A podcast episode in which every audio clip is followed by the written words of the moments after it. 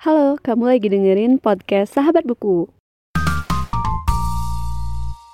Halo semuanya dan selamat datang kembali di podcast Sahabat Buku. Bagi kamu yang baru pertama kali mendengarkan podcast ini, podcast Sahabat Buku adalah sebuah podcast yang membahas review buku dan pengalamanku saat membaca buku. Jadi ini adalah episode ke-23 dari Challenge Podcast dan tema yang akan aku bahas adalah buku tentang keuangan. Jadi di sini aku ada 7 buku tentang keuangan yang akan aku bahas. Namun ada uh, beberapa yang udah aku buat reviewnya dan beberapa ada yang aku belum baca jadi mungkin ini juga ada tambahan eh, buku-buku uh, yang aku dapatkan dari Google. Jadi langsung aja ke listnya. Yang pertama ada Rich Dad Poor Dad karya Robert T. Kiyosaki. Ini kebetulan kebetulan aku udah buat reviewnya jadi kalian bisa mampir aja episode yang membahas tentang buku ini. Terus yang kedua ada The Psychology of Money karya Morgan Housel. Ini kebetulan aku udah baca tapi belum sempat buat reviewnya. Dan yang ketiga ada The Intelligent Investor karya Benjamin Graham saham. Ini kayak bukunya juga terkenal banget di kalangan teman-teman yang mungkin menggeluti bidang keuangan khususnya dalam uh, saham gitu. Dan ini juga aku belum baca, jadi mungkin untuk teman-teman yang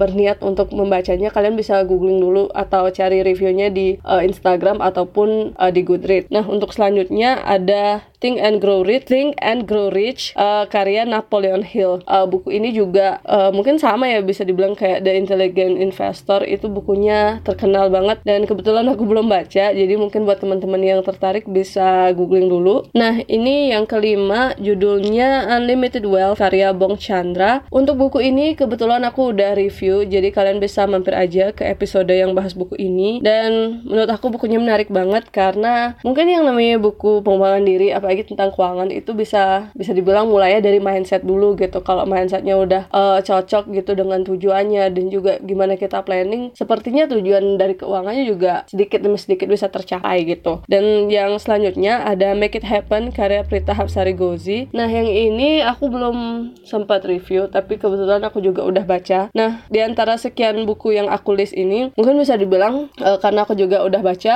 aku rasa buku ini uh, penting dibaca oleh siapa pun apalagi yang kayak udah kuliah, udah uh, kerja. Jadi ini lebih tentang gimana ngatur gimana sih step-step keuangan yang yang harus kita hadapi uh, selama kita hidup gitu. Jadi mungkin bisa dibilang dari punya dana darurat, terus juga berinvestasi, terus ada juga asuransi dan lain sebagainya. Dan yang terakhir ini ada buku untuk Indonesia yang kuat 100 langkah untuk tidak miskin karya Ligwina Hananto. Nah, yang ini juga aku dengernya dari pertamanya dari Felixandro Ruby dan juga sempat juga di dibahas sama Kak Raditya Dika deh seingatku jadi bukunya menarik banget karena mungkin bisa dibilang sebenarnya 11-12 ya sama buku Make It Happen itu lebih tentang uh, gimana kita ngatur mindset dulu terus kita tahu pengetahuan-pengetahuan dasar tentang uh, personal finance gitu gimana kita ngatur uang kita jadi dengan begitu tujuannya juga bisa diatur sedemikian rupa berdasarkan keinginan kita gitu nah mungkin itu aja untuk episode kali ini terima kasih telah mendengarkan jangan lupa untuk follow di Spotify, di Instagram, dan juga di Twitter. Sampai jumpa di episode selanjutnya.